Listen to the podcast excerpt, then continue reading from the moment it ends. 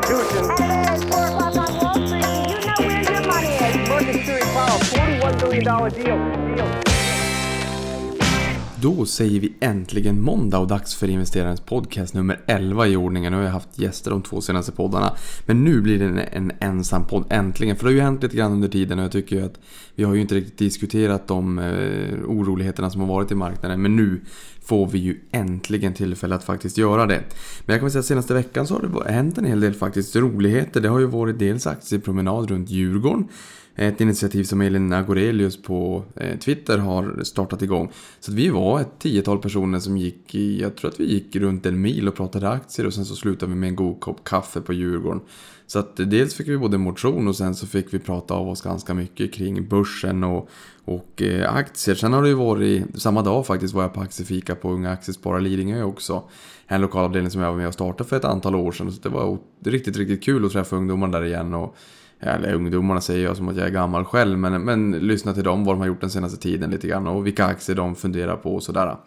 Ehm, så att ett, ett kärt återseende. Jag saknar lite grann det här med att vara ute på träffarna både för unga aktiesparare och aktiespararna. Nu är jag ju ute ganska mycket för aktiespararna Lidingö förvisso. Eh, på, på alla de eh, eventen i och med att jag sitter i ledningsgruppen där. Men i allt som övrigt eh, så är det ju mycket träffar i Stockholm varje vecka. Men, men det har varit lite mindre med det den senaste tiden. Sen har vi ju uppesittarkväll med EFN på torsdag den 22. Samma tid klockan 20 som vanligt, 20 till 22. Och uppesittarkväll var ju ett, ett uppskattat fenomen när vi körde det men vi har ju inte haft någon uppesittarkväll sen i december. Men då, envis som jag är, så sa jag att det kommer att fortsätta och jag visste ju inte riktigt exakt hur eller exakt när vi skulle köra igång det. Men då hörde ju Albin på EFN av sig och sa att ja, men ska vi inte ta och, och slå våra påsar ihop och köra något roligt tillsammans? Och då tyckte jag att det gör vi. Så att nu på torsdag då, den 22 februari, så kör vi igång det här igen och förhoppningsvis så lyfter vi det här konceptet till nästa eh, nivå då som det här konceptet förtjänar. Så att eh, jag ser fram emot torsdag helt enkelt. Jag hoppas att du hänger med i flödet under hashtag uppesittarkväll och hashtag prata pengar också då på torsdag. Sen kommer det att livesändas också både på YouTube och Facebook och efn.se på torsdag då. Sen gästade jag podden Market Makers också och det var tydligen det längsta avsnittet de har gjort, vilket jag varit glad över. Jag gillar ju att sväva ut lite grann och grabbarna här, de åkte från Linköping upp till Stockholm, besökte mig på Avanza och sen så körde vi en inspelning där på 1.40 eller vad det kan ha tänkas blivit. Och det var ju otroligt roligt också att kunna få diskutera börsen och allt vad, vad börsen hör till så att säga på tre personer. Det här är ju numera en ensam podd sen vi la ner och pratade pengar men där fick man ju lite grann blodad tand att det är ju ganska roligt att spela in tillsammans också. Så den kan ni lyssna på om ni inte redan har gjort det. Sen får man väl säga så här också, i och med att det var ett tag sedan då ensam podd så att säga, så har ju eh, börsen rört på sig lite grann. Men även en del aktier, så jag kan säga att på OMXS30 så är det Autoliv på plus 11% i år. Som är ledaren, som alltså har stigit mest year to date, eller från årsskiftet fram till där den här spelas in då. Eh, och det här är ju Ja hörni, vad är det för datum idag? Det är den 19. Jag spelar in det här på småtimmarna mot måndag den 19 då. Sen S&P 500, där har Netflix stigit 46% så den har stigit väldigt mycket i år. Och på Dow Jones så har Boeing dragit 21% så de har ju verkligen luft under vingarna. Ja, även om det nu är Netflix, där är man ju, står man ju på marken. De har ju faktiskt stigit mer än dubbelt så mycket. Men ni förstår. Temat för den här podden är lite grann börsoro, för det har ju varit ganska oroligt på börsen den senaste tiden. Men egentligen så är den här senaste tidens börsoro inget konstigt i ett historiskt perspektiv. Men jag tänker mig i och med att det har varit lite oro och jag ändå har startat en ny podd så vill jag ju ha ett avsnitt där jag diskuterar börsoro, börskrascher och börskrascher kommer också att vara temat på uppesittarkväll här på på torsdag den 22 februari då. Men jag tänker mig att det här får bli det avsnittet jag pratar lite grann om oro och hur man ska tänka och hur jag tänker och sådär. Så kan vi ju, kan ju du som lyssnar på det här eller jag eller vi tillsammans kollektivt lyssna på det här avsnittet i framtiden också när det stökar till sig lite grann på marknaden och man behöver lite inspiration och motivation och tänka till det liksom. Hur var det nu man skulle tänka när börsen viker? Eh, för det kommer den att göra. Det har den gjort förut och det kommer den att göra igen. Men den senaste tidens oro började egentligen den 2 februari 2018 när marknaden blev tagen lite grann på sängen efter eh, non-farm payroll. Och non-farm payroll det är alltså siffror för sysselsättning då som kommer första fredagen varje månad i USA. Och varför den heter non-farm är ju för att man vill ju mäta sysselsättningen en gång i tiden utanför jordbrukssektorn. När jordbrukssektorn var en väldigt, väldigt stor del av den amerikanska ekonomin. Nu är det inte riktigt så längre. Men den här sysselsättningen var lite starkare än man hade förväntat sig. Samtidigt som man också såg att det fanns ett visst lönetryck. Och det där, man hade förvisso förväntat sig ett litet lönetryck men man blev ändå lite grann orolig att hmm, är det nu inflationen kommer komma igång? Och så tänker man så här, ja, vad händer då om inflationen kommer igång? Då kanske vi får en stramare penningpolitik och vad händer då? Jo, då betyder det att centralbanken tar bort bålskålen. Och det är fortsatt stramt och, och en eh, höjningscykel. Nu har ju Federal Reserve i USA ändå höjt räntan betydligt mycket mer än vad vi har gjort här i Europa. Här ligger vi ganska långt efter vi ligger lite långt efter i cykeln också när det kommer till de kvantitativa lättnaderna. Där var USA eh, före. Så vi ligger ju efter i hela cykeln egentligen sen finanskrisen. Men där vart man i alla fall orolig och det ledde ju också till att långräntorna sprang iväg och dollarn stärktes. Eh, och långräntorna, där eh, pratar jag primärt om 10-åringen. Det är det man brukar prata om när man pratar långräntor. Men det finns ju Eh, 30-åriga räntor och jag menar Argentina emitterade ju en 100-årig ränta på 7% eh, här för eh, ett halvår sedan eller vad det kan tänkas vara. Men just 10-åringen brukar vara den man relaterar till. Ehm, och det kanske kan vara för att 100-åringen, ja, det är så pass lång tid så att det går ändå inte att göra någon, någon någorlunda säker prognos. Det kanske inte går på en 10-åring heller men eh, reporäntan i Sverige, alltså repurchase agreement, är en veckoränta. Det är den allra kortaste så, som Riksbanken, det är ju faktiskt världens äldsta central, centralbank då från 1668. Den kan ju de styra och den där eh, skickar ju liksom ut ett signalvärde i marknaden som styr de längre räntorna. Federal Reserve de, de basar över den korta räntan liksom, och sen så styr det förväntningarna på, på framtiden så att säga som får en påverkan på de längre räntorna. Och tioåringen i USA steg, steg ganska ordentligt. Den, I tidig höst i fjol, 2017, så låg den på 2,01%. Så säg runt 2%. Och nu här efter att den har stigit en hel del så ligger den strax under 2,90. Så det är en ganska stor skillnad faktiskt. Den har gått upp ganska mycket och jag tror att räntan i Sverige ligger, ja den ligger under 1% i alla fall. Vi kan göra så här, jag kan försöka multitaska samtidigt som jag pratar. Det har ju gått bra historiskt. Kan jag ju försöka se vad 10-åringen i Sverige ligger på. Jag menar innan jag är klar att prata här nu så kommer jag ju veta att 10-åringen i Sverige ligger på 0,92. Så strax under 1%. Ehm, så vi har ju en ganska bra bit kvar till vi är i samma nivå som i USA. Ehm, men samtidigt så har vi ju de senare åren sagt att, eller slängt oss med akronymen TINA. There is no alternative, men helt plötsligt så kanske vi står i ett läge i ekonomin där det istället kanske pratas om there is an alternative när räntorna faktiskt börjar komma upp till sådana nivåer att man faktiskt får en avkastning även på räntemarknaden. För jag menar, eh, listor som vi svenskar tycker är lite roliga att följa det är ju Dividend Kings och Dividend Aristocrats. Aristocrats bolag som har höjt utdelningen minst 25 år i rad och Kings då som har höjt utdelningen minst 50 år i rad. De har varit ganska duktiga på utdelningstillväxt, alltså att höja utdelningen över tid. Men i fjol så vet jag att snittet för båda de här listorna låg på ungefär 2,5% i direktavkastning. Och här börjar vi komma upp närmare 3% när det kommer till statspapper som per definition är riskfria. Vilket innebär att sakta men säkert så har vi faktiskt börjat få ett alternativ till aktiemarknaden i och med att de riskfria räntorna faktiskt har börjat ge någon form av avkastning. Och jag blir lite nyfiken där faktiskt eh, lite grann vad, vad händer när vi har räntor runt om i världen som exponeras för negativ ränta samtidigt som vi har då ett land och tillika då världens största eh, ekonomi och en av världens största kapitalmarknader, världens största ekonomi, det tvist och det lärde. Jag vet inte exakt om hur, hur, hur de kampas, USA och Kina. De har ju varit i, i, i luven på varandra. Men helt plötsligt så går det ju att få en avkastning. Jag menar, det ska vi inte sticka under stolen med att vi har rätt mycket räntepengar där ute i världen som kanske ligger i stiftelser eller i, i eh, olika pensionslösningar. Och där man har i placeringsmandaten sagt att ja, men en, en viss andel av de här pengarna ska vara exponerade mot räntemarknaden. Och det har gjort att man har tvingat in pengar i negativt ränteklimat. Där man har sagt att vi lånar ut 100 kronor och får tillbaka 99 kronor och 50 öre. Det är ju inte så roligt. Och sen har vi en åldrande befolkning och sen så lever man längre och längre och så ska pengarna räcka. Ehm, så jag blir lite nyfiken vad som händer då när, eh, bortsett då från valutan, för, för att det ska ju liksom spela ut varandra med, med ränteparitetsvillkoret enligt teorin. Ehm, men, men bortsett från den amerikanska dollarn och valutan så att säga, vad händer när ett land helt plötsligt börjar eh, som har en bra kreditvärdighet dessutom. Även om eh, eh, Standard Poor's sänkte USAs kreditbetyg i augusti 2011 när jag var i Thailand och följde debaclet från hotellrummet till min tjejs förtret. Men, men det där blir lite intressant för jag har sett någon sån där siffra också på hur många hundratals miljarder globalt sett som attraheras Eh, och flyttas över till den amerikanska marknaden för varje punkt som räntan stiger.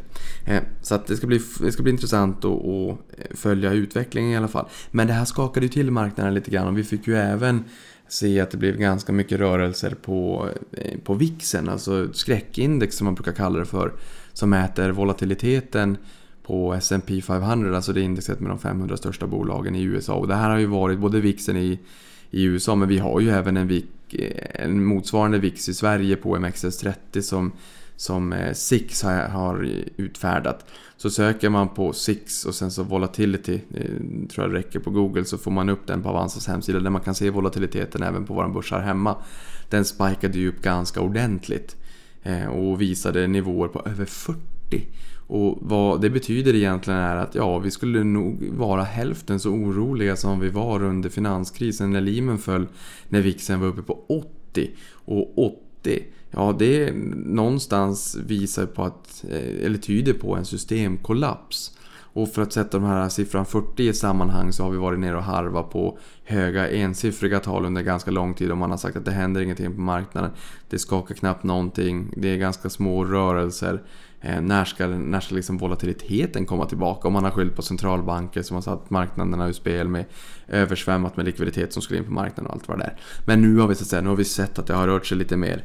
Ehm, och det rörde sig ganska fort också och i USA så pratar man lite grann om eh, att det ska vara då derivatmarknaden och hade en massa produkter utställda på just exempelvis volatilitet.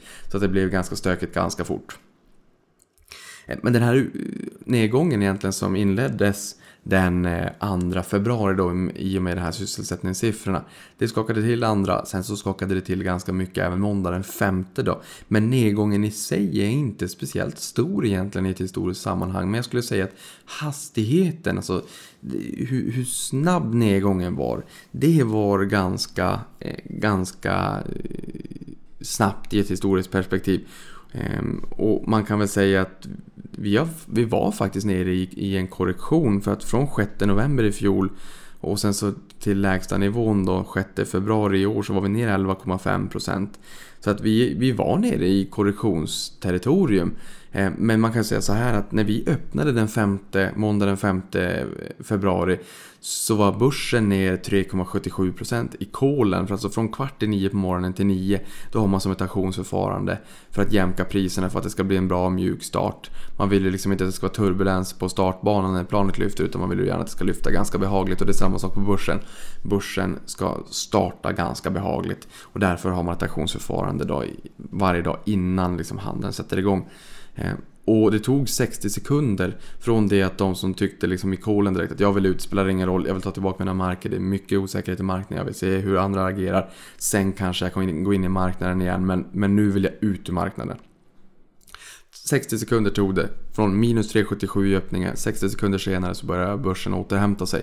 Ehm, och Eh, jag skrev några blogginlägg på Avanza här också eh, och menar på att precis som Jim Cramer, Mad Money, CNBC i USA brukar säga att nobody has ever made a dime by panicking. Och det ligger mycket i det, jag har sagt det förut men det ligger mycket i det.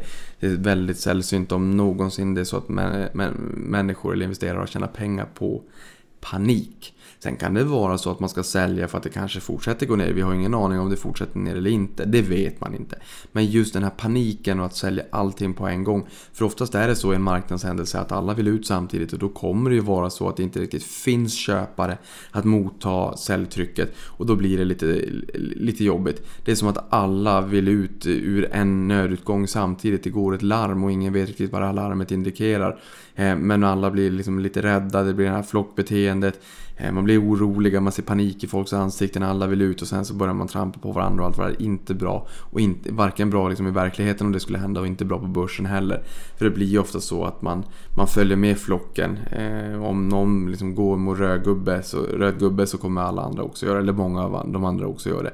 Tänk på det nästa gång du går över ett övergångsställe. Det är ganska intressant att se. Vi har ett flockmentalitet, vi är ett flockdjur. Det är så vi har överlevt eh, egentligen från, från tidernas begynnelse på den här planeten. Och det återkommer beteende, liksom, det syns även på börsen. Så ta dig en extra funderare nästa gång det är lite panik. För panik kommer att komma igen. Det kommer att komma händelser på marknaden där det blir den här typen av oroligheter. Men innan det är så att du springer till datorn och trycker på säljknappen eller mobilen eller vad det kan tänkas vara. Tänk efter en extra gång.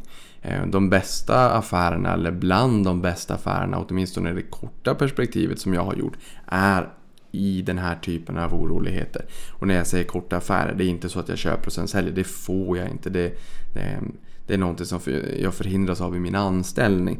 Men om det är så att jag äger ett bolag som jag vill äga långsiktigt så kan jag köpa på mig lite mer i det här bolaget om det är så att det är kraftig oro.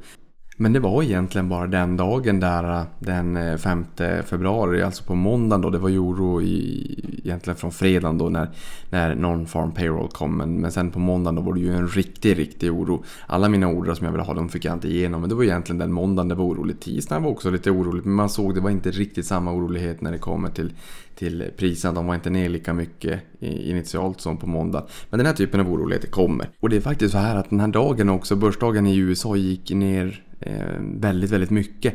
Man kan säga att det var det största intradagstappet i historien faktiskt sen vi började mäta Dow Jones och det är det äldsta indexet i USA från 1896. Jag satt på ett, ett aktiemöte med eh, aktiespararna eh, och lyssnade på en bolagspresentation. Jag fick pling efter pling efter pling efter pling i telefonen som visade att nu är det ner 700 punkter, 800 punkter, 900 punkter, 1000 punkter, 1100 punkter, 12, 1300 punkter och sen var det ner som mest 1597 punkter då på Dow Jones och det är det största tappet i historien. Eh, för er som kommer ihåg eh, 19, måndag 19 oktober 1987, The Black Monday, så var Nas, eh, inte Nasdaq, Dow Jones ner 508,32 punkter och det var ett fall på 23% så nästan en fjärdedel av börsen eh, försvann liksom under en handelsdag. Ehm, det här med 1597 punkter, ja, det är det största tappet i punkter mätt. Men i och med att vi har stått i liksom över 26 000 punkter på Dow Jones så är det ju inte lika stora nedgångar i procentuella siffror. Men det var fortsatt ändå ganska stora procentuella nedgångar. Även om det inte var i närheten av den procentuella nedgången som vi hade 87 då. Och det är ju som vi vet procenten Helge som, som gäller, inte punkter. Även om det är intressant för det är någonting vi mäter ändå på, på börsen. Och eh, när det kommer till nedgångar så där, då är det några begrepp som vi behöver ha lite koll på. Och då kan jag väl säga att eh, om börsen rör sig eh, ner till minus 10%, ja men det är en vanlig rörelse. Det säger vi inte så mycket om utan att det, det är ett normalt intervall som eh, aktier och börsen rör sig inom. Men är det så att börsen sjunker mer än minus 10% då brukar vi säga att då är det en korrektion. Och fortsätter aktierna att gå ner, eller fortsätter index eller börsen att gå ner till minus 20% därutöver, helst inom det senaste året, då pratar vi om en bear market, alltså en björnmarknad. Eh, och på samma sätt som det är så att börsen har gått upp minst 20% från lägsta nivån senaste året, då pratar vi om en initierad bull market då, eller en tjurmarknad. Men min, eh, ner till minus 10, vanlig rörelse, minus 10 och därutöver korrektion, minus 20% därutöver, bear market. Eh, och korrektionerna här, jag menar vi var ju faktiskt nere i en korrektion nu senaste tiden men då sa ju jag också att det var från 6 november. Och om vi bara mäter den senaste tidens oro här på den här sidan om årsskiftet, alltså 2018, så var den här nedgången inte alls speciellt märkvärdig faktiskt. Men som sagt, hastigheten.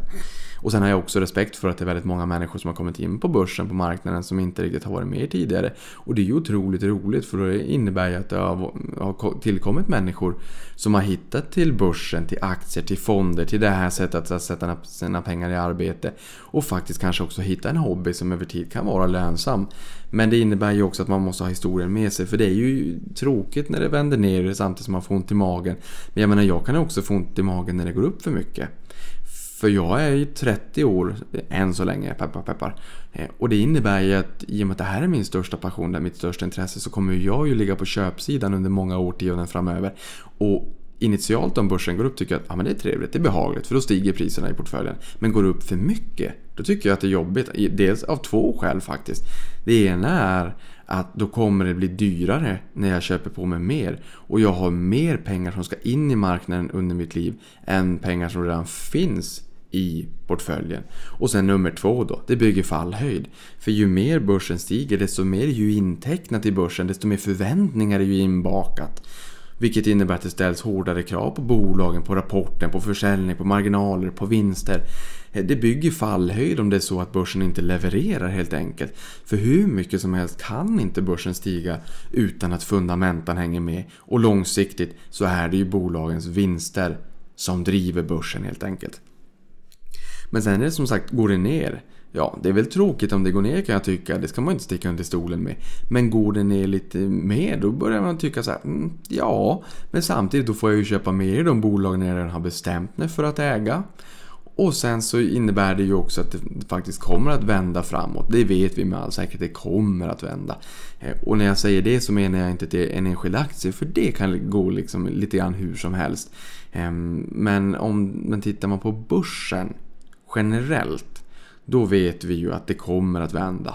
För går börsen ner, ner, ner, ner, ner. Ja, till slut så kommer en tid när det har gått ner så mycket så att jämförelsetalen är enkla och det är ganska enkelt att slå fjolårets rätt dåliga siffror. Och då får vi ett omslag i, i, i, i rapporten, alltså då slår man sina eh, sina fjolårssiffror och sen så börjar det med, med omvända liksom vinstrevidering att ja, men nu börjar vinsterna komma tillbaka igen och sen så beger vi oss uppåt igen. Eh, men de här korrektionerna då när vi är eh, och tarvar ner på minus 10% och därutöver, det är ganska vanligt.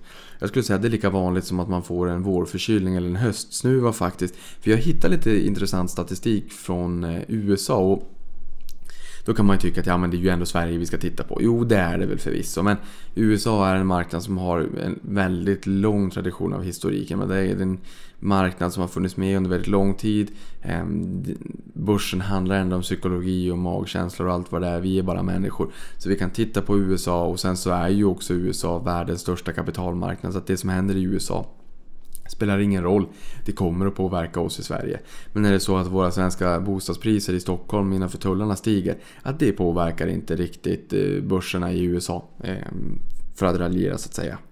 Eh, men tittar vi då historiskt så kan vi se att hälften av börsåren sedan 1980 på S&P 500, alltså de 500 största börsbolagen i USA, har haft minst en korrektion. Så hälften av åren sedan 1980 har haft minst en korrektion. Det är ganska intressant. För det var ju den här oroligheten den senaste tiden är för att vi då har gått ner ett par procent. Från plus 4 någonstans till minus 3 eller något sånt där. Vi var ner 6-7 procent. Ehm, och, och, och, tar vi då från november, alltså backa bak ännu längre så var vi minus 11,5 som mest. Ehm, så därav tycker jag liksom att det är intressant att ha med sig historien. Jag säger det en sista gång. Hälften av börsåren sedan 1980 har haft minst en korrektion. Det vill säga att börsen har under året haft min, en eh, max intra-year drawdown på minst 10% från toppen under året till botten under året. Ehm, och den genomsnittliga intra-year pullbacken under de, de, här åren har varit minus 13,7%. Det är alltså snittsiffran. Och då kan vi ju säga att här då i Sverige så var den 11,5 innan vi började vända upp igen. Och vände upp det gjorde vi den 6 februari. Ehm, och sen 68% av de här åren med en korrektion avslutades högre. Också ganska intressant att ha med sig. Och den genomsnittliga avkastningen under korrektionsår Alltså under åren där vi har fått den här nedgången på minst 10%. Den genomsnittliga avkastningen där var plus 7,2% när året skulle summeras. Det tycker jag är ganska intressant. Och man får inte glömma bort det där. Jag menar, jag har sagt det förut och jag säger det igen. Om det är så att man börjar åka skidor, vi säger på 1000 meter då. Eh, man bor i någon ski lodge på 1000 meter och sen så går man ut på morgonen och sen åker man skidor upp, ner, upp, ner, upp, ner, upp. Ner. Det är ju då slalom jag pratar om i det här fallet. Eh, och sen så åker man upp igen i slutet på dagen för att man ska gå in på någon afterski där och sen så går man in i stugan och så somnar man där eh, gott efter, efter någon öl eller någon vin eller vad det kan tänkas vara. Någonting med high yield i alla fall måste det ju vara. Ehm, så har man ju börjat på 1000 meter och slutat på 1000 meter. Och det är ju ungefär som att säga att man börjar börsen på noll och slutar börsen på noll Eh, men under året så kan den ha varit upp jättemycket eller ner jättemycket. Och det är precis det jag sa med de här max intraday drawdown, alltså att vartannat börsår du har haft en, en sättning på minst minus 10%. Men det där ser man ju inte ifall det är så att man i slutet på året hämtar tillbaka det här. Så även om vi är 3, 4, 5 år, det är inte så många som kommer komma ihåg det där. Backa bak till 2016 när vi började, när vi, jag kommer fortfarande ihåg morgonen när jag vaknade när Kina hade stökat till det på natten och stängt minus 7% och det var stök och det var automatiska brytare som hade slagit i och det var allt vad det kan tänkas vara. Sverige öppnade upp minus 4% den morgonen ungefär och sen så fortsatte vi ner till 21 januari, sen stabiliserades det, sen fortsatte vi ner till 11 februari och sen var det upp 14,8% fram till mitten på mars. Riktigt stökigt. Sen hade vi lite lugnt eller stabilisering kanske, men sen så fick vi ju Brexit då Ehm, när vi hade eh, egentligen haft en liten uppgång inför för vi tänkte ah, att ja, det där blir ju ingenting av det där Brexit så att säga. Och sen så när vi hoppade runt som, som små grodorna liksom kring, flagg, eller inte flaggstången men kring, kring midsommarstången då på midsommar då insåg vi att hoppsan, mhm, det blev en Brexit. På fredagen där så hade vi ju stängt eh, börsen. Men vi kunde ju se att eh, bankerna i London slaktades 20-25%. Vi kunde se att Nordea var ner 20% någonstans. I Danmark, då insåg vi att det här blir inte roligt. Och sen så på måndagen den 27 juni då eh, såg vi också att börsen gick ner väldigt, väldigt mycket. Eh, och sen så återhämtade den sig då. Brexit var ju faktiskt tillbaka igen. På två veckor så var det ju som att ingenting hade hänt. Så jag menar, hade du varit på en, en eh, två veckors all inclusive, eller hade det kunnat vara all exclusive också. Inte för att det var exklusivt utan snarare för att ingenting ingick. Alldeles oavsett om du inte hade haft wifi och kom hem och tittade på börsen i portföljen så hade du knappt sett att det hade hänt någonting. Eh, och det var nog ingen som hade kunnat tro det när man vaknade upp och insåg att det blev ett Brexit, att det skulle gå så fort. Det glädjer mig att eh, Avanzas kunder var nettoköpare. Man köpte alltså betydligt mycket mer än vad man sålde och man var största nettoköpare på börsen också under den här perioden. Både något som gläder mig men även något som faktiskt förvånar mig. Sen hade vi också presidentvalet den 8 november när vi vaknade upp den 9 november och insåg att hmm, jojo då, det blev ju Donald Trump som skulle vinna det här valet. Det var ingen som trodde det. Terminerna i USA hade en omsättning som var 17 gånger högre än normalt. Börsen öppnade 3,5-3,6% någonstans ner för att sluta dagen 1,2% plus. Väldigt konstigt. Eh, så att bara ta det som ett exempel, backar vi året innan i januari så tog det 7,5 halv eh, vecka ungefär eh, för att få riktigt tokrally, alltså från eh, första handelsdagen 2015 till den 27 april 2015 när OMXS30 ställde upp sig på 1720,02, den nivån har vi fortfarande inte hämtat. Men då gick börsen upp jättemycket. Och sen så 2016, då var det väldigt, väldigt skakigt. Men det är ju ingen som kommer komma ihåg de här skakningarna 2016. För börsåret slutade ju 4,80 upp. Det slutade ju upp 4,8%. Ser ut som att det var ett ganska lugnt börsår, lite svensk mellanmjölk. Ungefär hälften av den här långsiktiga totalavkastningen som man brukar prata om. Men det är ganska stökigt under året. Så ta med dig det. Glöm inte bort det när man, man får lite ont i magen och känner att det stökar till lite grann. Ehm, och just den här senaste frossan då, nu är det ju fortsatt så att säga 2018 vi pratar om. Men sen den frossan så är vi upp ganska mycket. Och det här var ju väldigt kortsiktigt får man väl säga. Och nu är ju tioåringen i USA på lite högre nivåer så att marknaderna klimatiserar sig ju sakta men säkert.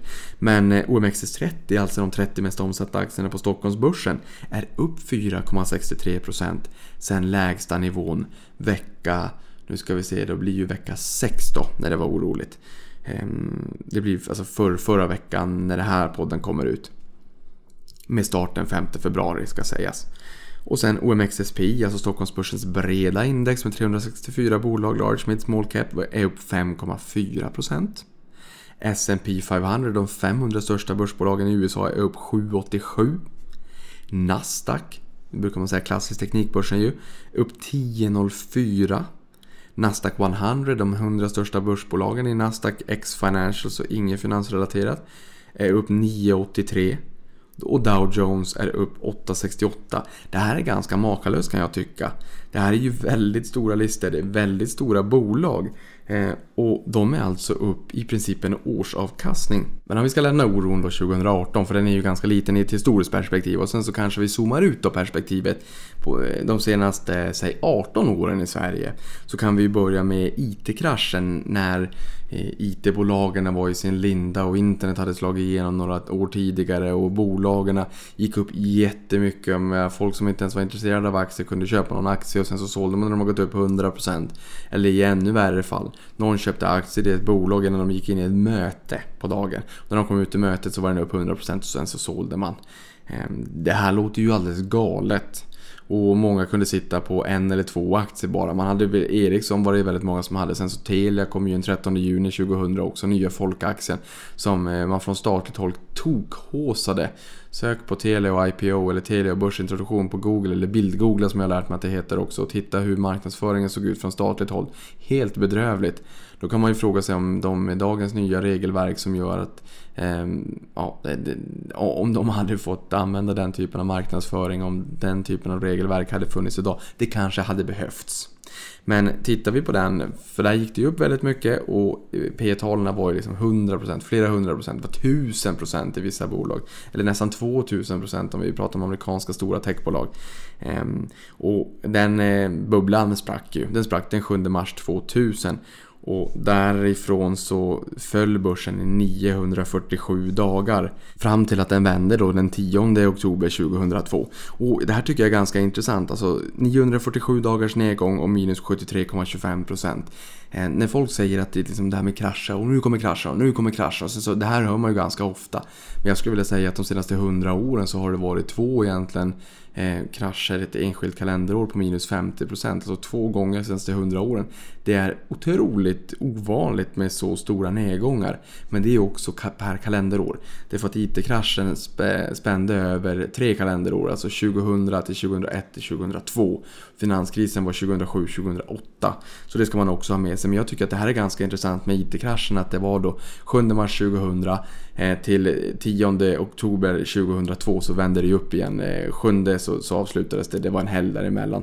Eh, och minus 73% ner, det är ganska stora siffror. Just de här 947 dagarna, det ger någon form av riktmärke. Liksom hur, hur olidlig och lång är den här smärtan av nedgång? Det räcker med att börsen går ner en enskild dag väldigt mycket så tycker man att det är jobbigt. Men just att ha historien med sig, att hur, hur ofta och hur långa har kriserna faktiskt varit? Eh, och där kan vi titta att efter den här kraschen då, IT-kraschen, så var återhämtningen 1738 dagar. Och då steg vi 219%. Och då vet vi det att om någonting faller 50% så ska det stiga 100% igen. Så det är klart, det ska ju stiga mer. Men sen hade vi ju finanskrisen och den inleddes ju egentligen den 13 juli 2007. Eller det var väl då börsen började vika ner i alla fall. Ehm, men sen intensifierades den här nedgången den 15 september 2008, det vill säga mer än ett år senare, eh, när det anrika investmentbanken Lehman Brothers föll. Och där fick vi en nedgång på 473 dagar. Och den nedgången var 57,9%.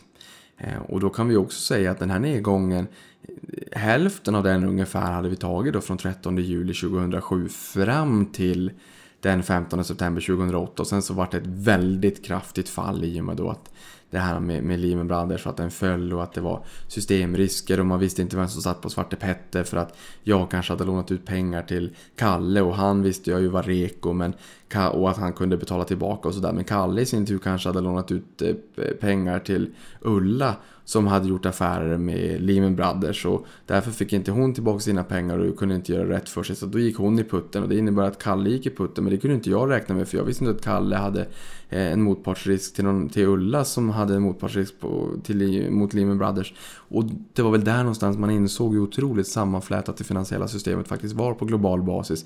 När kommuner i Sverige som inte hade en aning, knappt ens kanske hört talas om Lehman Brothers, insåg att hoppsan, här förlorar vi ganska mycket pengar.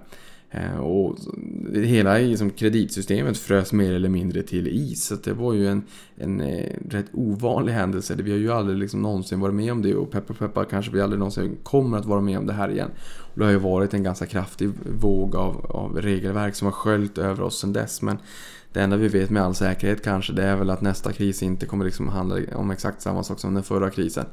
Ehm, någonstans också den här oron som har varit i USA kanske vittnar om att det blir lite oroligt om det är så att vi kommer att ha någon form av tapering eller när centralbankerna ska dra tillbaka sina enorma stimulanser. Och vad som händer i marknaden då, det är ju faktiskt fortfarande osett. Men finanskrisen då, 473 dagar, det är ju betydligt mycket mindre än, än IT-kraschens 947. Och den kan jag tycka är lite konstlad också för att jag menar Ericsson stod för 48% av index. Eh, 1800 miljarder. Och hur index var kappat då det vet jag inte. Men det innebär ju om man får raljera liksom att om, om börsen var stängd eh, en dag eh, men trots det Ericsson då föll 1% jag menar då föll ju hela, hela indexet nästan en halv procent. Vilket man inser liksom, det blir ju ganska orimligt. Och återhämtningen efter finanskrisen den var 2374 dagar. Och steg upp 208,9% fram till den 27 april då, 2015. Eh, och sen hade vi en bear market på 428 dagar. Och det här är ganska intressant. Vi hade alltså en bear market som var nästan lika lång som finanskrisen. Men man tänker sig att finanskrisen var mycket längre. Och det finns visst fog för det. Därför att finanskrisen var ju liksom inte bara Ehm, 13 juli 2007 till 27 oktober 2008 när det började vända upp igen utan vi har ju haft problem under väldigt lång tid och den mediala debatten kring eh, problemen och man visste inte om man skulle få behålla jobbet eller inte liksom på ett aggregat ute i samhället. Men börsen vände ju den 27 oktober 2008 och det är ganska vanligt att man glömmer bort det att börsen vände ganska snabbt efter eh, att Lehman Brothers föll. Det är, liksom, det är bara en och en halv månad efter kollapsen så börjar börsen vända upp igen. Ehm, men från då 27 april 2015 fram till Brexit den 27 juni när börsen hade sitt största intradagstapp i modern tid. Det var nästan 9%. Där var vi ju ner 27,8%. Det skulle jag ha betydligt mer ont i magen för. Ehm, och där tyckte jag att där mm, var man in och köpte en hel del, även jag så att säga. Och jag menar verkstadsbolagen på Stockholmsbörsen är upp nästan 100% sedan vad de var i januari 2016. Så det har varit en ganska, ganska fin resa också. Då var det inte speciellt många som rekade invest- eh, industribolagen. Däremot desto mer nu. Men det är ju kanske ofta när, när eh, de inte har massa reka på sig eller när börsen inte är så rolig som man ska göra affärer. För det är då de bästa affärerna faktiskt görs. Hörrni, nu ska vi zooma ut lite grann och lyssna till finanskrisen. För att i modern tid så var ju den mest jobbig i alla fall. Blodet eh, flöt ju faktiskt på gatorna och det är ju då man brukar säga det är då man ska köpa aktier. Vi tar och lyssnar lite grann på hur det lät i USA under de värsta dagarna i finanskrisen. We had um, a global sell-off. We had Japanese stocks down 9%, the Hong Kong markets down um, 8%, Singapore was down 8%, and of course the sell-offs that we are seeing in Europe today, most of those markets down about 8 or 9% as well.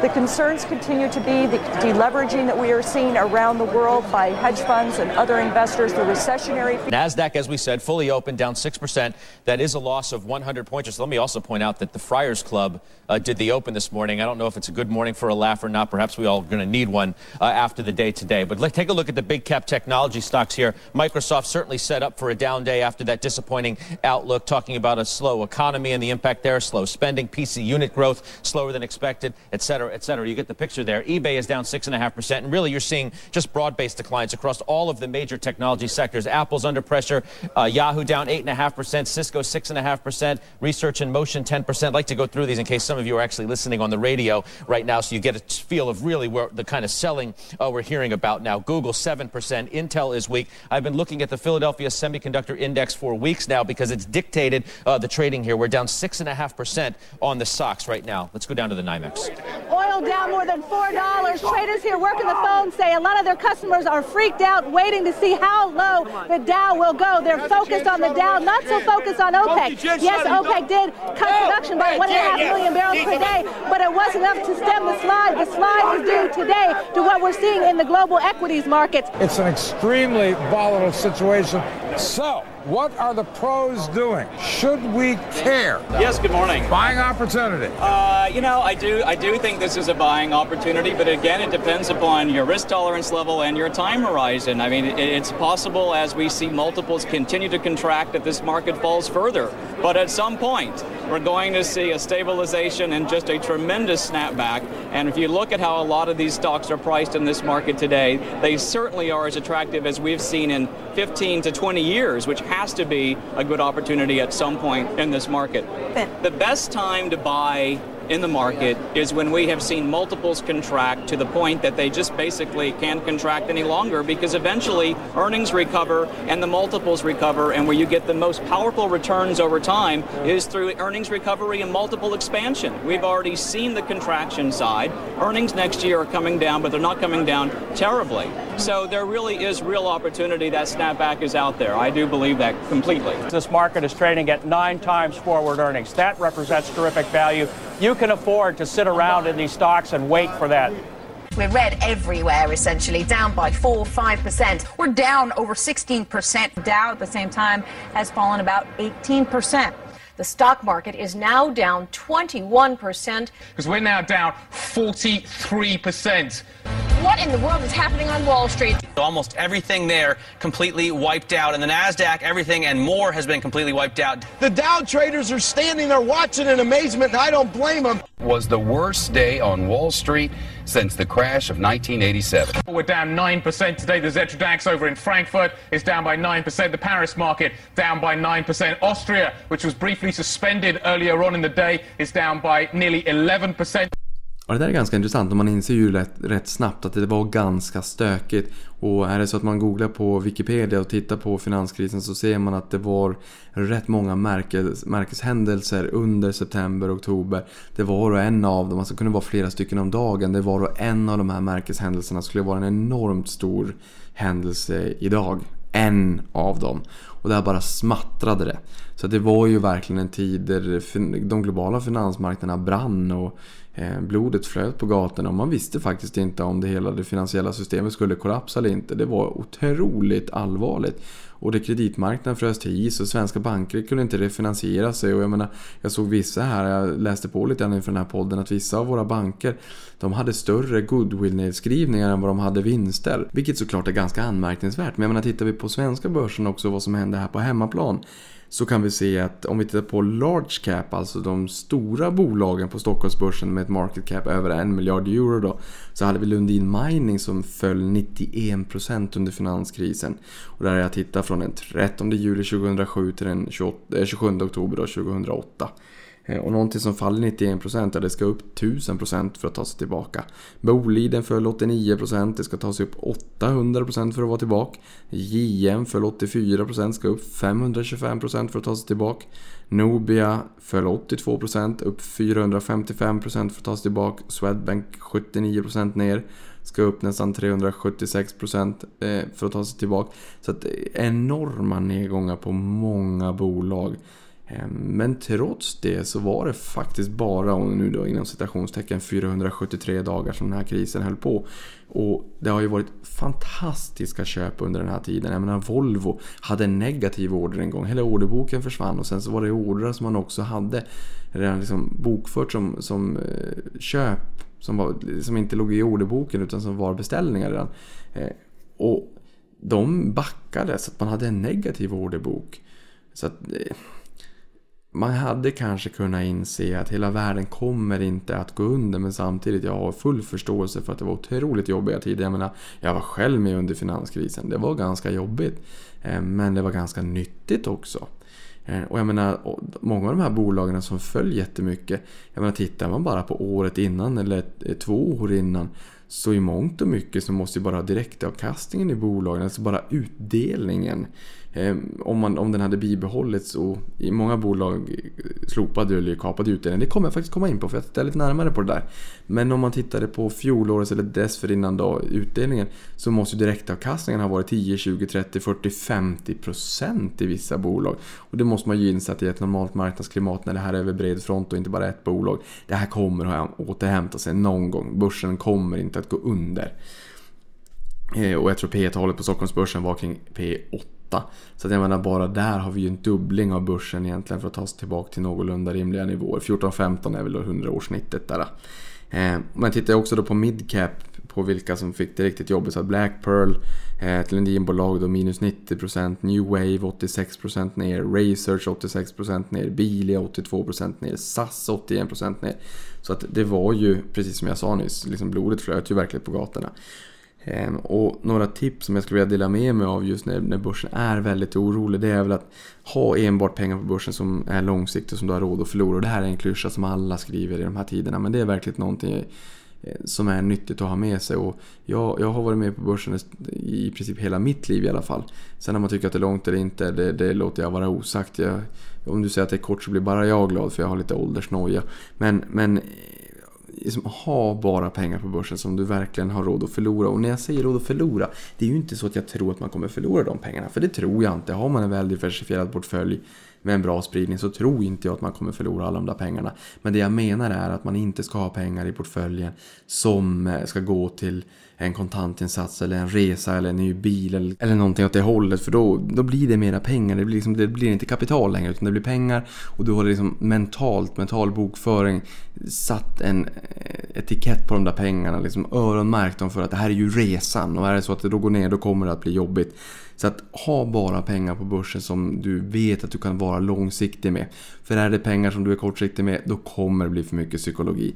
Bara hellre peng mindre pengar, men pengar som du vet att det här pengarna, jag kommer inte behöva ta ut dem. Eh, för då kommer du att ge dem en bättre förutsättning att växa över tid. Så att skilj på pengar och kapital. Eh, jag sparar ju pengar varje månad när lönen kommer in på kontot så sitter jag upp till midnatt, väntar, för över pengar i portföljen. Det är portföljens pengar, det är kapital, det är byggstenar för att bygga en ekonomisk trygghet. Det som blir över, det är pengar. Pengar som ska gå till räkningar, nöjen, mat och liksom allt för att driva Niklas och Livet AB. Eh, och sen vara långsiktig och spara löpande. Det kan ju vara enkelt att säga och även det här vara en klyscha, men det är sant. Var långsiktig. Eh, jag menar, titta på det här, vi hade en oro 2 februari, sen så var det jättestökigt den 5 februari och nu är det knappt så att man, man kommer ihåg ens vad som har hänt. Jag menar, folk kommer inte heller ihåg Kina eller Brexit eller Trump. Eh, nu raljerar jag lite grann, men jag menar, de där eh, kraftiga nedgångarna visar sig inte vara annat än köplägen.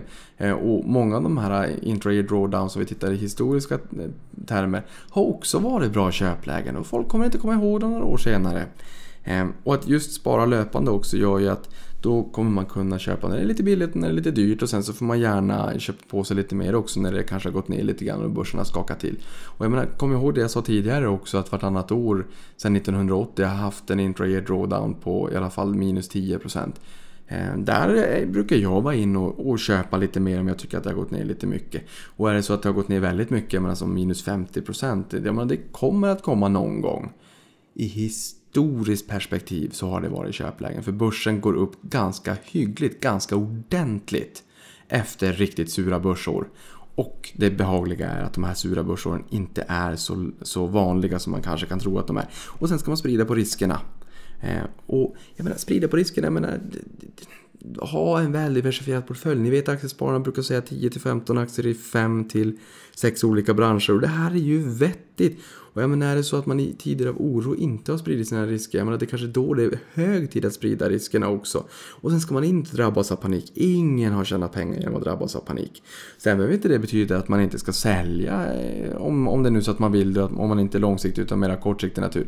Ja, för ingen vet ju vars börsens riktning kommer vara framåt. Men just den här paniken och sälja ut allting i kolen en morgon när det är jättestökigt och alla vill ut. Det har sällan blivit bra de bästa affärerna jag har gjort historiskt har varit i just tider av panik när jag väl har då köpt. Eh, och sen kan det vara så att menar, de som säljer de kanske inte bryr sig. Det kanske är bolag som säger att nej men nu stökar det på marknaden, vi måste ta hem våra positioner för det här är pengar som ska gå till det ena eller det femte eller det andra. Och sen så tyckte man att ja, vi fick ut våra pengar i alla fall och vi stod, satt inte med någon risk. Och jag tyckte att jag gjorde en bra affär. Eh, och sen kom ihåg att börsen är inte strängt kalkylerande nyttomaximerande. Det är enormt mycket psykologi där ute och börsen är en drama queen. Börsen brukar tendera att överdriva i båda riktningarna. Både när det går uppåt och när det går neråt. Och jag menar, även om det här är en podd som vi, där vi pratar lite grann om nedgångarna så ska vi också komma ihåg att även när det går upp så brukar börsen tendera att överdriva lite grann. Och det är viktigt att komma ihåg. För jag menar som jag sa tidigare, det är kul när börsen går upp men går den upp för mycket då får jag lite ont i magen för då bygger det fallhöjd. Och sen tycker jag att man ska lära känna sig själv och hur man reagerar och sen agerar i oro.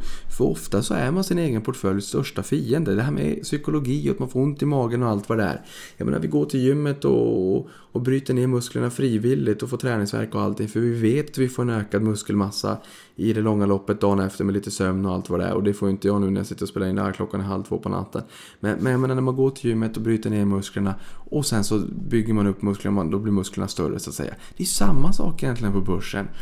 Om det är så att börsen har gått ner väldigt mycket, ja det är ju jobbigt om man sitter inne i, med kapital och aktier på börsen. För de kommer ju gå ner, portföljen kommer ju gå ner. Men nysparandet får ju ganska bra förutsättningar för att stiga över tid. Om det är så att man köper när börsen har gått ner snarare än när börsen har gått upp väldigt mycket. Eh, men psykologiskt så känns det ju bättre att köpa när det bara går upp, upp, upp. Men eh, ska vi vara liksom lite mer realistiska så är det ju bättre att köpa när börsen har gått ner. Och därför tycker jag att man ska ha en köplista. Blir det surare tider på börsen, ha en köplista där du vet att de här bolagen tycker jag är fina. De här bolagen vill jag köpa mer i. Om det är så att vi får en nedgång. För då kommer du inte sitta paralyserad när det blir en riktigt eh, ordentlig nedgång heller. Utan då vet du ju att ja, men det är de här bolagen jag har sagt att jag vill äga i portföljen. Och som jag vill köpa mer av när det går ner. Bra! Titta på den listan och köp mer i sådana fall när det gör som ondast. Som jag brukar säga, köp när det gör som ondast. Det är då de bästa affärerna brukar ta och göras. Ehm, och sen kan vi också säga att eh, förutom då köplistan att, att du inte drabbas av panik och beslutsångest. Den har ni liksom framför er eller hoppas eller så här, se till att ha en sån framför er. Och kom ihåg att de bästa affärerna görs i de sämsta tider. Sen kapsla in den här känslan också när börsen går upp väldigt mycket. Jag tar början på 2015 som exempel återigen. Från första handelsdagen i januari till 27 april 2015 då. Börsen var upp jättemycket och sen så gick det ner.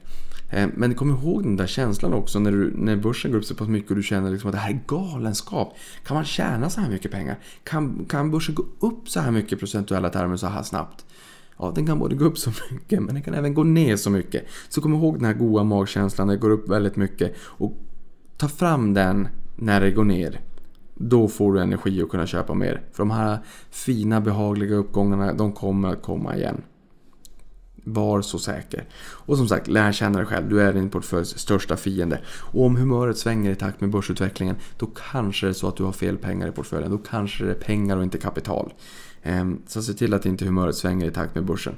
Ehm, jag har varit där själv eh, i min ungdom i tidiga dagar.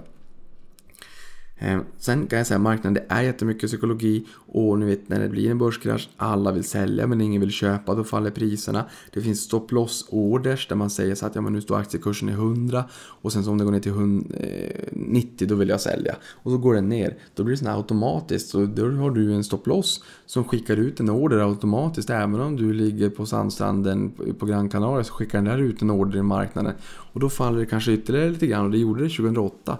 Då kanske den faller ner till 85. Och är då är det andra som har satt sina stopplossnivåer på 85 och då faller de ut i marknaden och så blir det ännu mera säljtryck. Och så faller det till 80 och då går det ännu mer stopplosser ut där. Och så faller det ännu mer. Så att det vart liksom som en... Ja, vad ska vi säga? Det, det, det blir lite grann som en, en dominoeffekt. Och fonder måste sälja. Jag menar fonder, man, kunderna får ont i magen, trycker på säljknappen, då har de en liten kassa att möta säljflödet med. Men inte det finns längre, ja, då måste de ju börja skala innehav. Och sen har vi belåning. I liksom den sista euforiska fasen på börsen är det ofta en hög belåning. Och jag menar när börserna går ner, ja men då ska det täckas. Man, man ska dra ner på sin belåning. Då blir det ännu mera säljtryck och numera har vi även algoritmer som förstärker trenderna.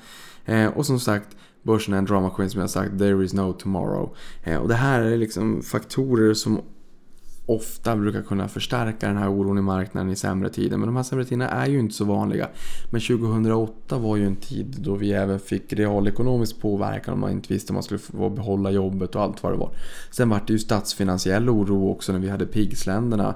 Portugal, Irland, Italien, Grekland, Spanien. Så fick vi ju inte säga det längre för att man insåg att PIGS står ju för någonting annat också. Ehm, och sen har vi haft liksom ganska mycket stök sen dess. Ehm, så att eh, finanskris som var statsfinansiell kris som eh, blev eh, centralbankskris får vi väl kanske inte kalla det än men det kanske blir framåt. Så att vi har ju haft rätt mycket stök det senaste årtiondet ehm, och även då den realekonomiska krisen som faktiskt blev i termer av Ehm, sysselsättning eh, och konjunkturen, tillväxten som tog stryk. Eh, men sist men inte minst innan vi avslutar för nyhetssvepet så vill jag också säga att jag har lagt en liten stund här eh, på att faktiskt försöka titta på vilka bolag under eh, finanskrisen som lyckades höja, bibehålla, sänka eller slopa utdelningen. Eh, för det här tycker jag är ganska intressant och det här är något som jag har velat göra en längre tid men som jag inte riktigt har gjort. Men nu har jag gjort det idag. Jag har tittat på bolagen i OMXS30 som ingår idag. Men jag har inte tittat på S-City för det var ju inte avknoppat från SCA på den tiden. Jag har inte tittat på Fingerprint heller. Ehm, för att de var inte med då och det blir ganska... Fingerprint då var inte vad Fingerprint har varit de senare åren. Så att det blir liksom... Det är ingen poäng helt enkelt. Ehm, men de bolagen som lyckades höja utdelningen och det här är per räkenskapsåret 2008. Så det är årsredovisningen 2008 jag har tittat på. Då hade vi Swedish Match. De höjde utdelningen med 17%. Eh, och det här är ju också börsens bästa återköpare sedan de kom in på börsen 97-98. AstraZeneca höjde med 10%. Tele2 höjde med 11% och bjöd på extrautdelning. H&M höjde med 10,7%.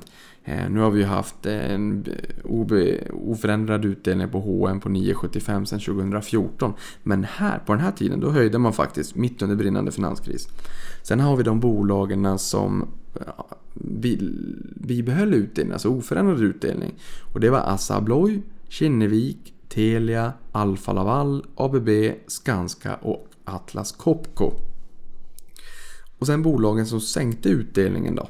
Där har vi Boliden på minus 75%, Volvo minus 63%, Nordea minus 60%, SKF minus 30%, Ericsson minus 26%, Sandvik minus 21, märk väl Atlas Copco oförändrat, Sandvik konkurrenten minus 21, SCA minus 20,4, SSAB minus 20.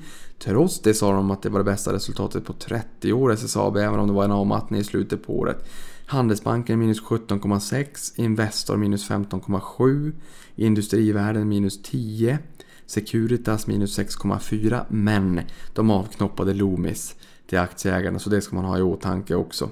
Autoliv sänkte utdelningen för de har kvartalsvis utbetalning där. De sänkte i Q1 2019 då eh, när man började dela ut resultatet för 2018. Sen slopade de utdelningen. Eh, sen har vi bolagen som slopade utdelningen var SEB, Swedbank och Electrolux. Så jag tycker det var ganska intressant att se hur, hur bolagen agerade under finanskrisen. Men vi hade alltså ett knippe bolag som faktiskt höjde utdelningen också. Men hörni, nu är det helt klart dags för ett nyhetssvep och då kan vi börja med att säga att 75% av bolagen i S&P 500 slog sina vinstestimat under Q4 vilket är över femårssnittet på 69%. Ehm, så har vi fastighetsbolaget Huvudstaden höjde utdelningen för 20 året i rad. Utdelningen höjdes från 3,30 till 3,50. Eh, och tidigare har vi även Castellum som också har höjt utdelningen för 20 året i rad. Så att båda de här bolagen, både Huvudstaden och Castellum, eh, bjöd på en utdelningstillväxt på 6% vardera. Sen har vi Warren Buffetts bolag Berkshire Hathaway som har tankat mer aktier i Apple under eh, förra kvartalet, alltså Q4 då. Där ökade de positionen med 23% så att de har verkligen tankat på ordentligt eh, och ökat upp det befintliga innehavet. Då. Och Apple är numera det största börsnoterade bolaget i portföljen Berkshire Hathaway, eller som de har då. Ehm, som visar ju klart och tydligt på att de tror på det här bolaget going forward. Ehm, och aktien gick upp lite grann på det här beskedet också då. Sen har vi Ola Rolén, Hexagons VD, som uppger sig så att hela sitt innehav i Fingerprint och det är en affär som man nu bedöms har gjort en, en nettförlust på, på närmare 100 miljoner kronor. Sen har vi Finansinspektionen som återigen varnar för virtuella valutor och anser att det inte är en lämplig investering varken på kort eller lång sikt för konsumenter. Sen har vi H&M slopar förslaget om en Dividend Reinvestment Plan eller en DRIP som man brukar prata om i USA. Och man säger att det ska vara svårt att genomföra det här både tekniskt och tidsmässigt. Och om det stämmer eller inte, det står ju skrivet i stjärnorna. Eh, de insåg väl ganska snabbt att det här var verkligen ingenting både varken marknaden eller storägarna eh, tyckte var speciellt kul. Familjen Persson är ju största ägare då. Ehm, och de har även haft sin kapitalmarknadsdag. Där visar man att lönsamheten och försäljningen online var bättre än väntat. Men omvänt dit då i fysisk retail. Det här var det sämre än väntat och nu förväntar man sig väl att man ska liksom dra ner på olönsamma butiker i mycket raskare takt going forward. Så vi får helt enkelt se ehm, vad som händer och marknaden eh, belönade hm aktien med en, en nedgång. Vilket innebär att det visar att de här Ehm, den här kapitalmarknadsdagen har väl inte riktigt lyckats ingjuta förtroende i marknaden. Men å andra sidan när alla är bäsade till ett bolag och ingen tror på det. Det är ju precis då man ska visa marknaden. Så vi får helt enkelt se vad som händer med H&M going forward om det är så att de kan lyckas med det här. Sen har vi spelbolaget Paradox, VD Fredrik Wester som lämnar över posten till Ebba Ljungerud. Själv ska Fredrik bli eh, arbetande styrelseordförande i bolaget och Ebba har ju suttit i styrelsen i det här under några år. Så att hon har ju faktiskt varit med ett tag. Eh, och sist men inte minst kan vi säga att amerikanska Clorox höjde utdelningen med 14% och har nu då en direktavkastning på 3%. Och det här var 41 året i rad med en utdelningshöjning och Pepsico Pepsi, ni vet eh, konkurrenten till Coca-Cola. Skillnaden är att Pepsico är ju ungefär 50% snacks, 50% dryck. Höjde utdelningen med 15% och det här var 46 året i rad med en höjd utdelning. Så om fyra år så kommer de in på listan med Dividend Kings då. Hörrni, det var allt för den här gången och vi får väl hoppas att börsen är lite roligare going forward. Men jag menar, är det så att vi får börsnedgångar så kan man ju passa på att kanske köpa lite mer i de här favoritbolagen man har i portföljen. De bästa affärerna görs ju ändå i de sämsta av tider. Bara för att vi får en liten nedgång på ett par procent så betyder ju inte det att det är de sämsta av tider. Men ni förstår vad jag menar. Stort tack för den här veckan som har varit och sen så håller vi tummarna för en riktigt fin börsvecka framåt också. Förra veckan var ju, bjöd ju på en uppgång på nästan 4% på börsen. Om den blir riktigt så bra, det var ju för att det var en återhämtning, om det blir riktigt så bra, det står ju skrivet i stjärnorna. Men ni får ha en riktigt, riktigt fin börsvecka och avkastning på er, tack!